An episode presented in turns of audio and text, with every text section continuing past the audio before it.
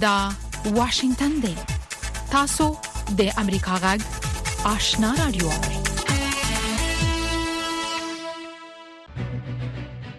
درنو اوریدونکو السلام علیکم سارم نیکمرغه زه نو شاباش نایم تاسو د امریکا غږ آشنا رادیو نه د سیمه او نړۍ خبرونه اورئ السلام علیکم درنو اوریدونکو دا د امریکا جغ واشنگټن سټوډیو ده زه خلیل خان یم پام وکړئ د ساعت خبرونو ته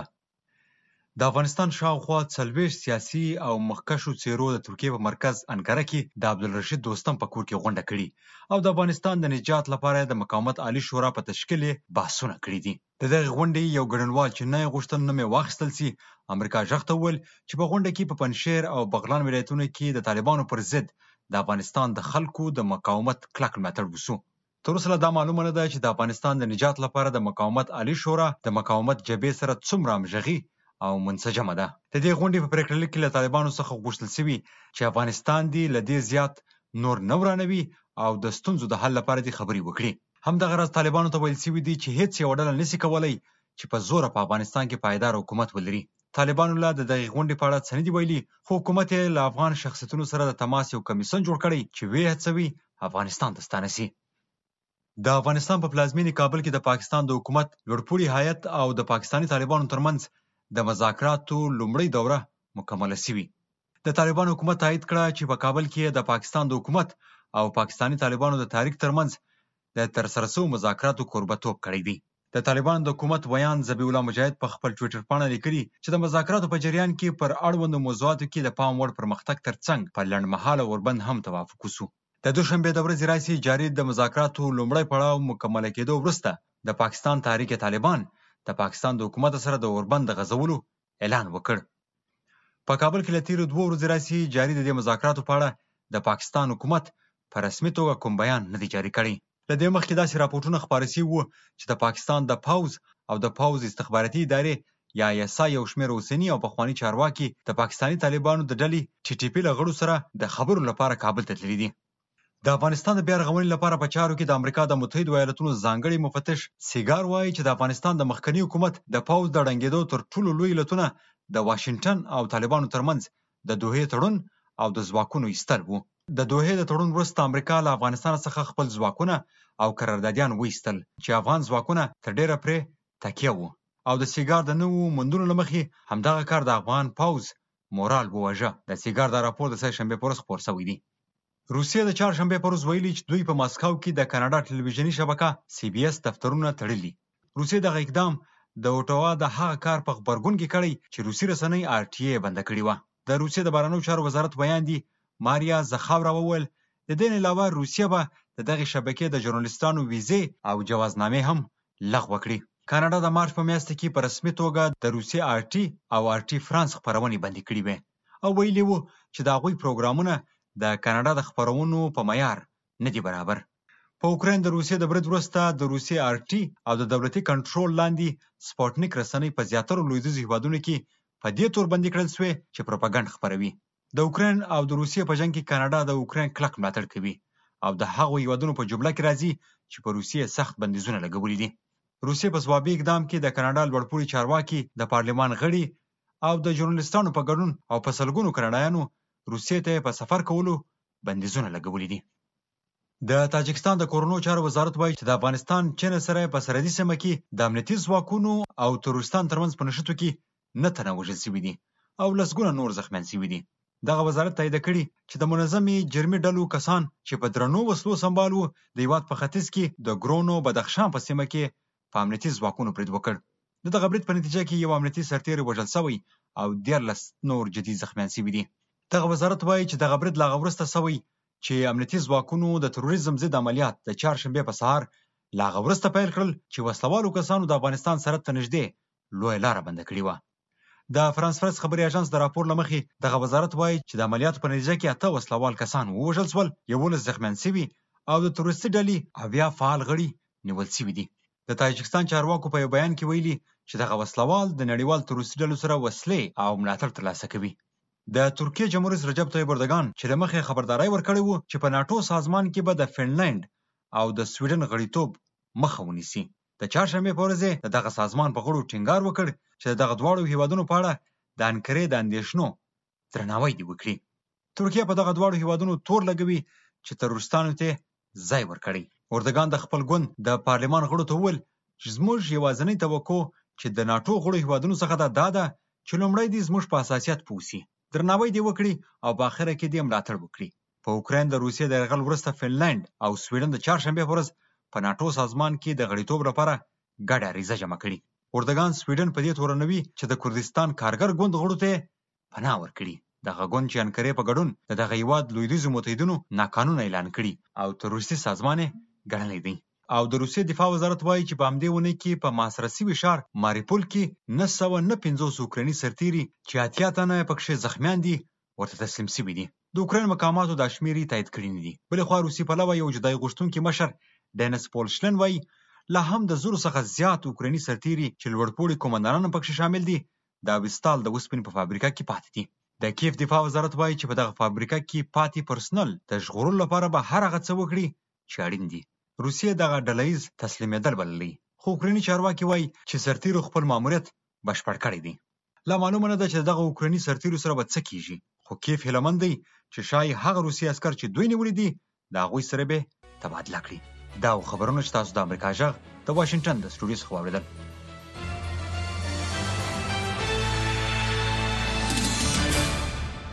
د سیمې او نړۍ خبرونه مو واورېدل، پام وکړئ د سیمې او نړۍ په اړه رپوټونو ته. د بخښنې نړیوال سازمان په افغانستان کې د ښځو په وړاندې د تبعیض د دوام په اړه اندېښنه ښودلې او ویلي دي چې د میلیونونو ښځو راتلونکي له خطر سره مخامخ دي.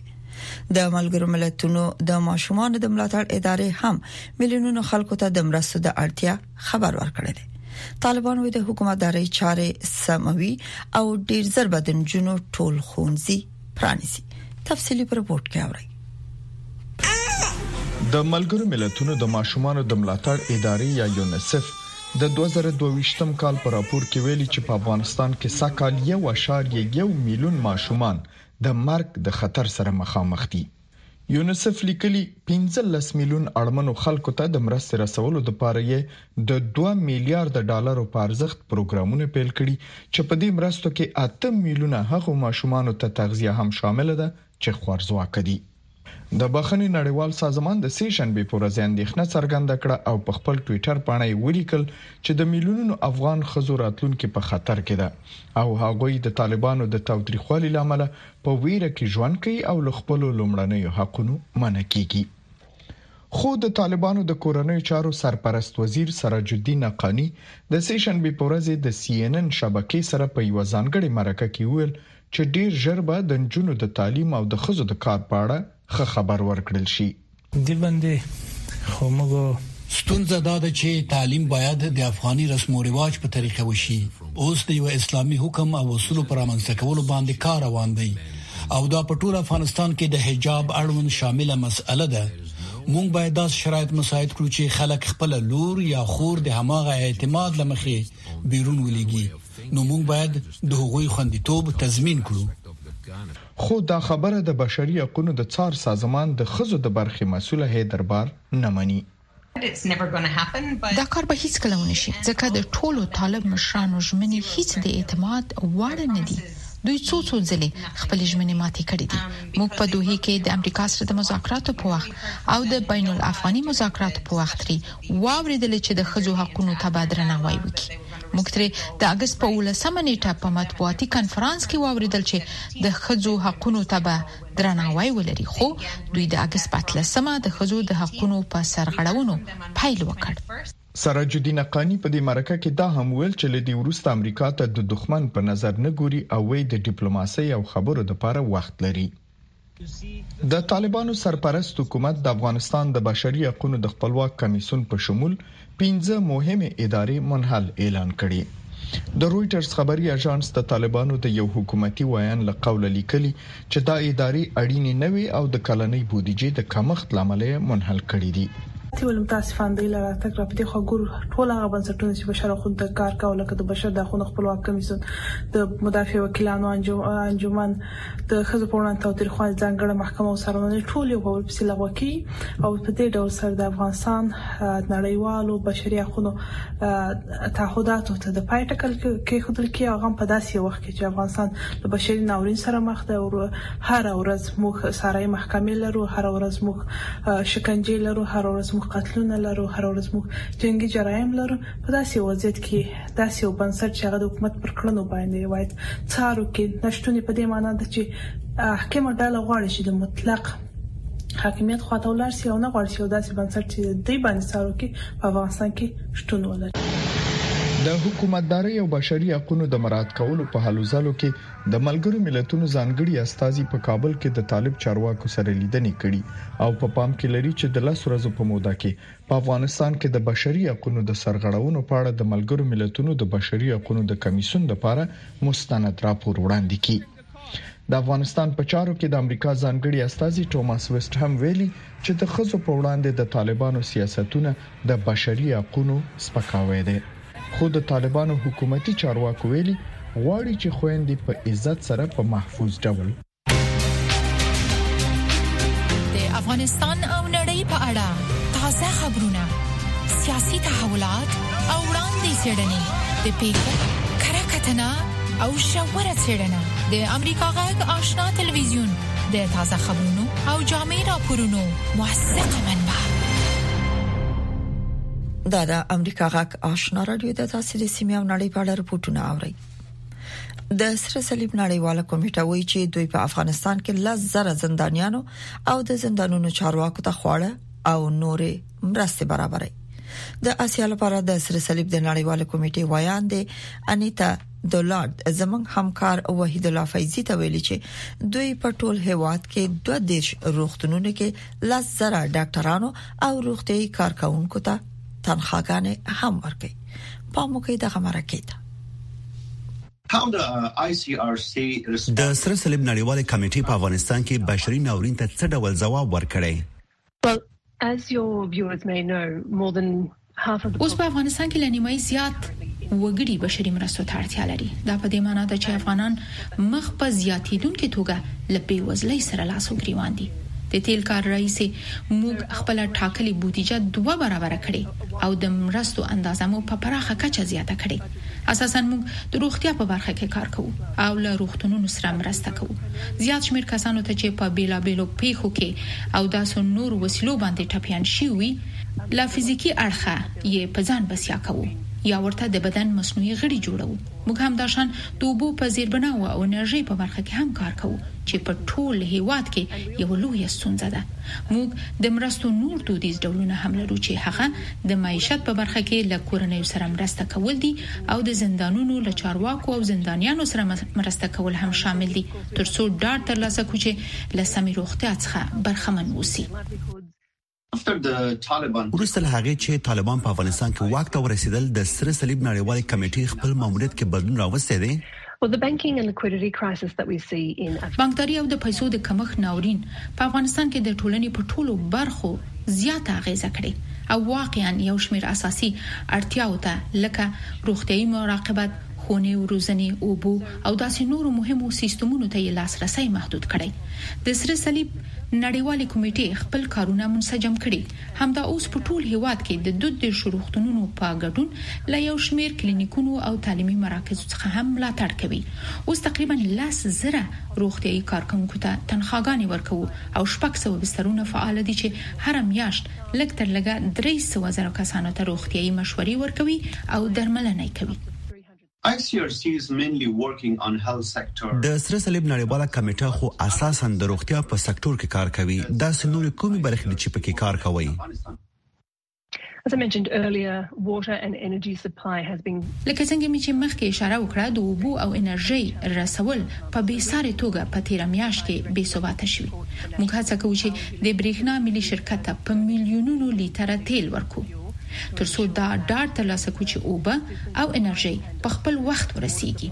او دا ناورین پرې اغیز ونه کړي. همدا شان په انفرادي توګه هم یو شمیر جنریترونو ته تیل ورکول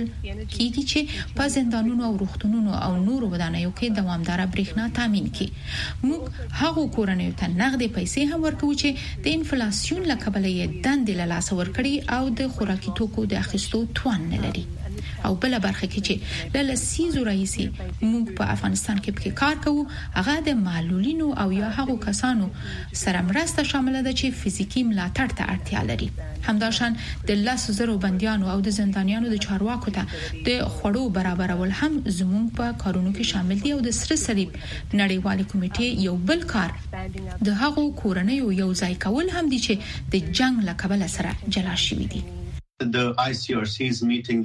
د سره صلیب نړیواله کمیټه له بندیانو سره هم ګوري؟ موږ له زندانونو څخه د لیدنې په برخه کې کار کوو. د سره صلیب نړیوالې کمیټې یوه اساسي دنده دا ده تر څو ډاډ ترلاسه کړي چې په افغانستان کې زندانیان هوسا دي. په دې وروستیو کې د ملاقاتونو په برخه کې د زندانونو له چارواکو څخه د ملاتړ او د خوراکي توکو برابرولو په برخه کې موږ خپل ملاتړ زیات کړی دی ترڅو دا ډاډ ترلاسه شي چې زندانیان اساسي اړتیاوو ته لاس رسی لري. څومره کسان اوس په افغانستان کې له طالبانو سره بندیان دي؟ ما سره یې شمیر نشته چې تاسو سره یې شریک کړم. د سره صلیب نړیواله کمېټه څومره بودجه په پام کې لري او د نوي کال راهیسې تر اوسه څومره پیسې لګولې دي؟ د دوه زره یوویشتم کال په پرتله زموږ بودیجه په دوه زره دوه ویشتم کال کې د پام وړ زیاته شوې او موږ تمه لرو چې دوه سوه میلیون سویسي فرانکه مرسته هم ترلاسه کړو. دا د نړۍ په کچه تر ټولو دویمه لویه عملیاتي بودیجه ده. د بودیجې کمښت شته دی. موږ له نړیوالې ټولنې څخه غواړو چې په افغانستان کې زموږ له کار څخه ملاتړ وکړي، ځکه د زیاتو افغانانو د پاتې کیدو لپاره بشري مرستې ډیرې اړینې دي. موږ ګورو چې په نړۍ کې زیات ناورینونه شته دي او موږ واقعاً په نړیوالې ټولنې غږ کوو چې د افغانستان په خوا کې ودریږي.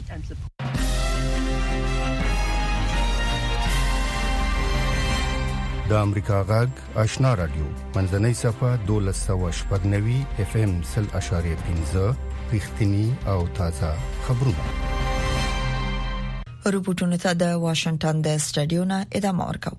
د امریکا جمهور رئیس جو بایدن د امریکا پوځ ته اجازه ورکړې ده چې په سومالیه کې د القاعده له شبکې سره تړلې الشباب ډلې د ځپلو لپاره 1500 عسكر ځای په ځای کړي د امریکا په خواني جمهور رئیس له دغه هیواد نه د امریکایي عسكر وېستل خو اوس سومالي ته د نو عسکرو د لیګلو پریکړه په داسې حال کې چې د سومالي پارلمان نوې ولسمشر وټاکه کیږي نور حال د زیوی خادم پر رپورت کې د جمهور رئیس جو بایدن د نوې فیصلې سره د پخوانی جمهور رئیس ټرمپ هغه فیصله بدله شو چې په کال 2020 کې د سومالیې نه 200 عسكر راایستي وو. د دې فیصلې هدف یوه داسې مختصره خو موثره قوه لیږل دي ترڅو هلته داسې شرایط برابر کړي چې زموږ متحدین ته ګټور وي او ورسره د الشباب د خطر د مخنیوي لپاره هم د دې قوې نه د ضرورت په وخت کې کار واخیستل شي او د ممکنه خطر چاره هم کېدای شي. سپینه ماڼۍ وايي، سومالیې ته به دغه عسکر نزدې پرتو سیمو ته نه ورځي، مګر دا یې نه دي ویلي چې چېرته به ځای په ځای کېږي، هدفونه به یې څه وي او تر څه وخته پورې به هلته پاتې کېږي. د امریکا پوځ او د دهشتګرۍ ضد مقامات د القاعده ملګرې د الشباب ډله ډیره شتمنه او ضرر رسونکې ډله ګڼي دغه ډله په نږدې وختونو کې نور هم پراخه او قوي شوې ده قریب دیش کسه د دې میاشتې په سر کې د سومالي په جنوب کې وژل دي د امریکا جمهور رئیس ډیر وخت نه په سومالي کې د امریکا د رول په حق لا ناراضه دی په کال 1993 کې په مګدیشو کې د 13 امریکایي عسکرو د وژل کېدو نه وروسته د امریکا ولس دغلته د امریکا په نظامی حضور نه دی خوښ مګر د دفاع وزارت جلا فکر لري خبره دا ده چې الشباب اوس هم یو ستر خطر دی نه یوازې دا چې دوام یې موندلی بلکې قوت یې هم موندلی نو موږ باور لرو چې ښه لاره د مخنیوي همدا ده چې د سومالیا سره په دې لړ کې کومک او همکاري وکړو. دا واضح نه ده چې د سوماليې نوي جمهور رئيس د امريکا نه د پوځ غوښتنه کړې ده يا نه، مګر کارپوهان وايي که سوماليه د امريکا د فيصلې هرکلی کوي، خو ورسره دا هم وايي چې جګړه د مسئلې حل نه دی. د امريکا هوايي بريدونو الشباب مهار کړی. خو د بریدونو د درېدو سره سم الشباب بیا سر راپورته کوي د مسلې حل په هوایي بریدونو نه کیږي بلکې په کار ده چې د سومالي د شخړې یو سیاسي حل لار راووزي او زموږ ځوانان د الشباب له جاله راوېستل شي دا ښکاري چې هیڅ کم خوندې نه دي د فبرवरी په میاشت کې د سومالي د جمهور رئیس په کور باندې په حمله کې شپږ کس مړ شول او په لسهاو نور ژوبل شول دېرش دقیقې د افغانستان او دنیا په هکله د اونۍ په مهمو پیښو او رپورټونو ځغلند نظر هره جمعه د شپې د یوولسو بجو نه تر یوولس نیمو بجو پورې د امریکا غږ آشنا تلویزیون ده تاسو دا خبرونه د امریکا غږ د سټلایټ د لارې په ژوندۍ بڼه لیدلې او اوریدلای هم شئ.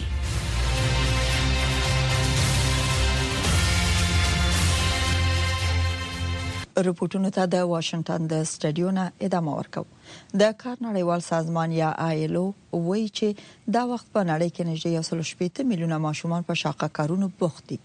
دا ارقام د ماشومان د شاقه کارونو د پای ته رسولو په 15 نړیوال کلنی کانفرنس کې چې د جنوبي افریقا د ډربن په ښار کې روان دی وړاندې شول په دې اړه به د خبریالې ویکي سټارک د رالیږلي رپوټ مهم ټکي له سید سلیمان شاه نه واورئ.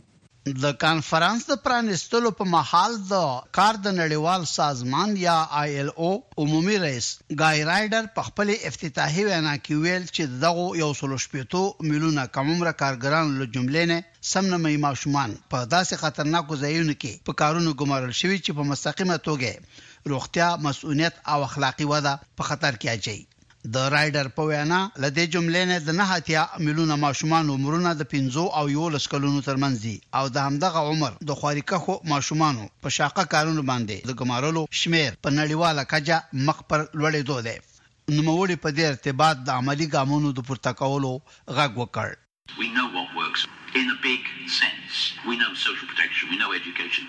موږ پوهیږو چې څه شی کار ورکوي او څه شی نه ورکوي. موږ په دې هم پوهیږو چې تعلیم ټولنیز مسونیت ګټه لري. کوم خلک چې د دغو ماشومانو د ژوند له ځانګړو حالاتو نه خبر دي، هغه خلک دي چې په ملي کچه مطرح دي. لازمه ده چې په ملي کچه یو څوک ذمه وار وي. مشکل یوازې په دې باندې نه حل کیږي چې یو څوک له ژنیو پرواز وکړي او خپلو بهرنیو ملګرو ته د هغوی د خپل هیواد مشخصایت بیان کړي. ځکه چې موږ غواړو چې داسې وکړئ. د کم عمره ماشومانو د کار په اړه دا پنځم نړیوال کنفرانس دی چې په جنوبي افریقا کې جوړیږي. د دې سازمان د اټکل له مخې په سلو کې له اویاوو نه زیاتو ماشومانو نه معمولاً د کرهڼې او زراعت په برخه کې کار اخیستل کیږي او زیاتره یې د خپلې کورنۍ له غټانو سره یو ځای کار کوي. د جنوبي افریقا د کارګرانو د اتحادیو عمومي رئیسې مېرمن زنګي سي لوسي په خپله وینا کې وویل چې له ماشومانو نه د شاقه کارونو د اخیستلو د پای ته رسولو په خاطر هم په ملي کچه او هم په سیاسي کچه د عزم او ارادې موجودیت لازمي دی. Importantly at the level of government is to ensure that labour inspectors are playing their role. مهمه خبره دا ده چې په دې اړه باید په حکومتي کچه د کار مفتشان هم خپل رول ولوبوي. د دې لپاره چې ډاډ مو حاصل شي باید صرف د معلوماتو په اوریدو اکتفا ونه شي.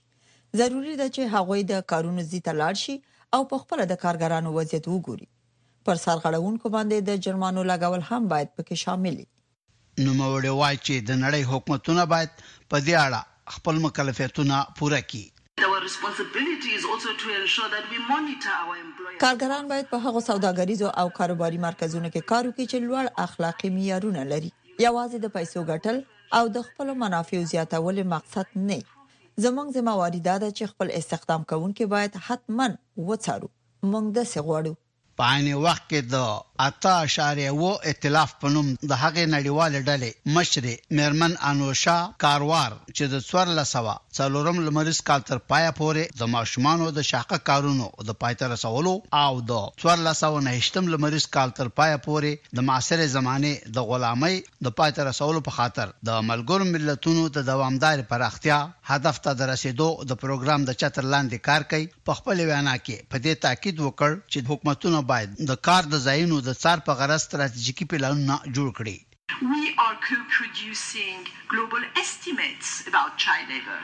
and forced labour. موږ لګیا یو په ګډه د کم عمره کارګرانو او د هغو کارګرانو د تخمیني شمېر په اړه معلومات راجمع کوو چې په شاقه کارونو ګمارل شوي دي او د نړۍ د هر یوه هېواد او هر یوه حکومت لپاره هم دا خورا ډېره مهمه موضوع ده. باید چې د قوانینو د عملي کولو په خاطر اقدام وکړي. هر څوک حتما باید په دې پوه وي چې له کومه ځایه کار پیل کړي او چیرته یې پای ته ورسوي.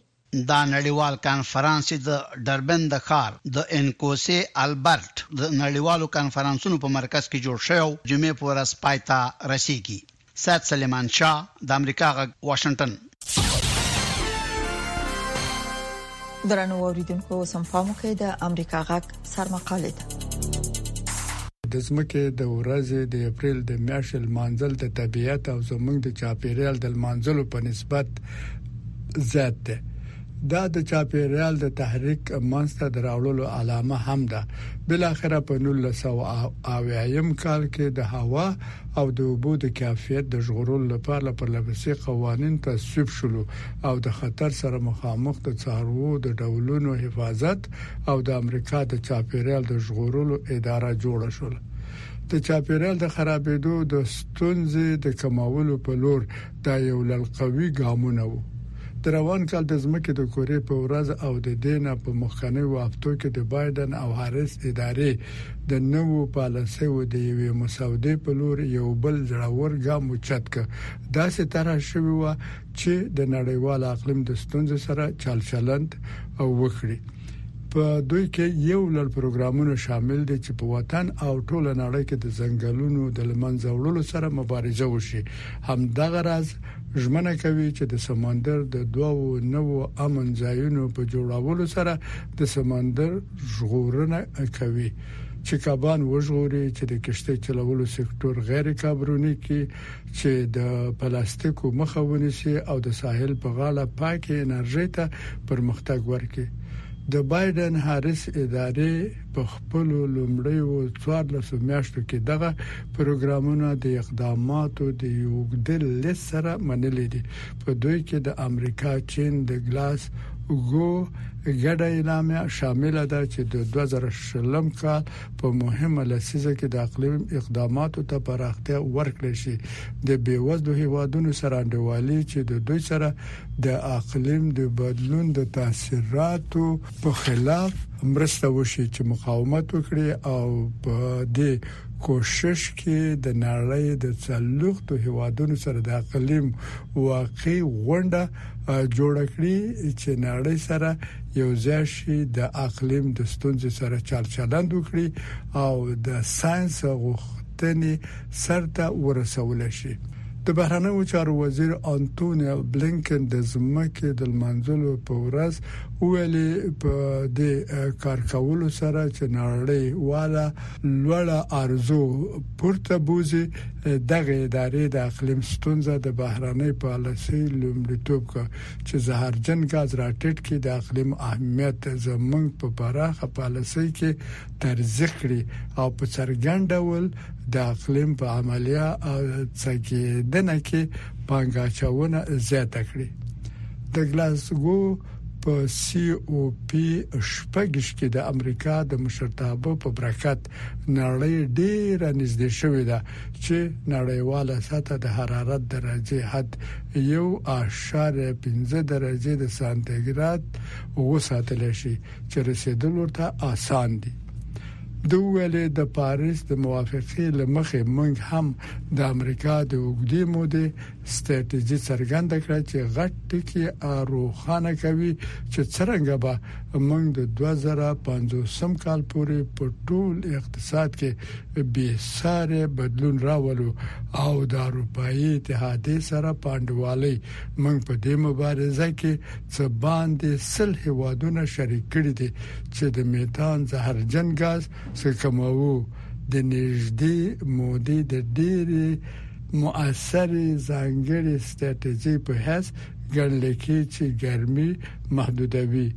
موږ په دې قادر يو چې د يوې دورې په حيث په تېر کال انعکاس وکړو، کله چې موږ په خپله نړيواله ژمنه کې تحرک پيدا کړ چې د يوې سالمې کورې ملاتړ وکړو. درنو اوریدونکو تاسو د امریکا غږ سرمقاله واوریده چې د امریکا رسمي نظر څرګندوي.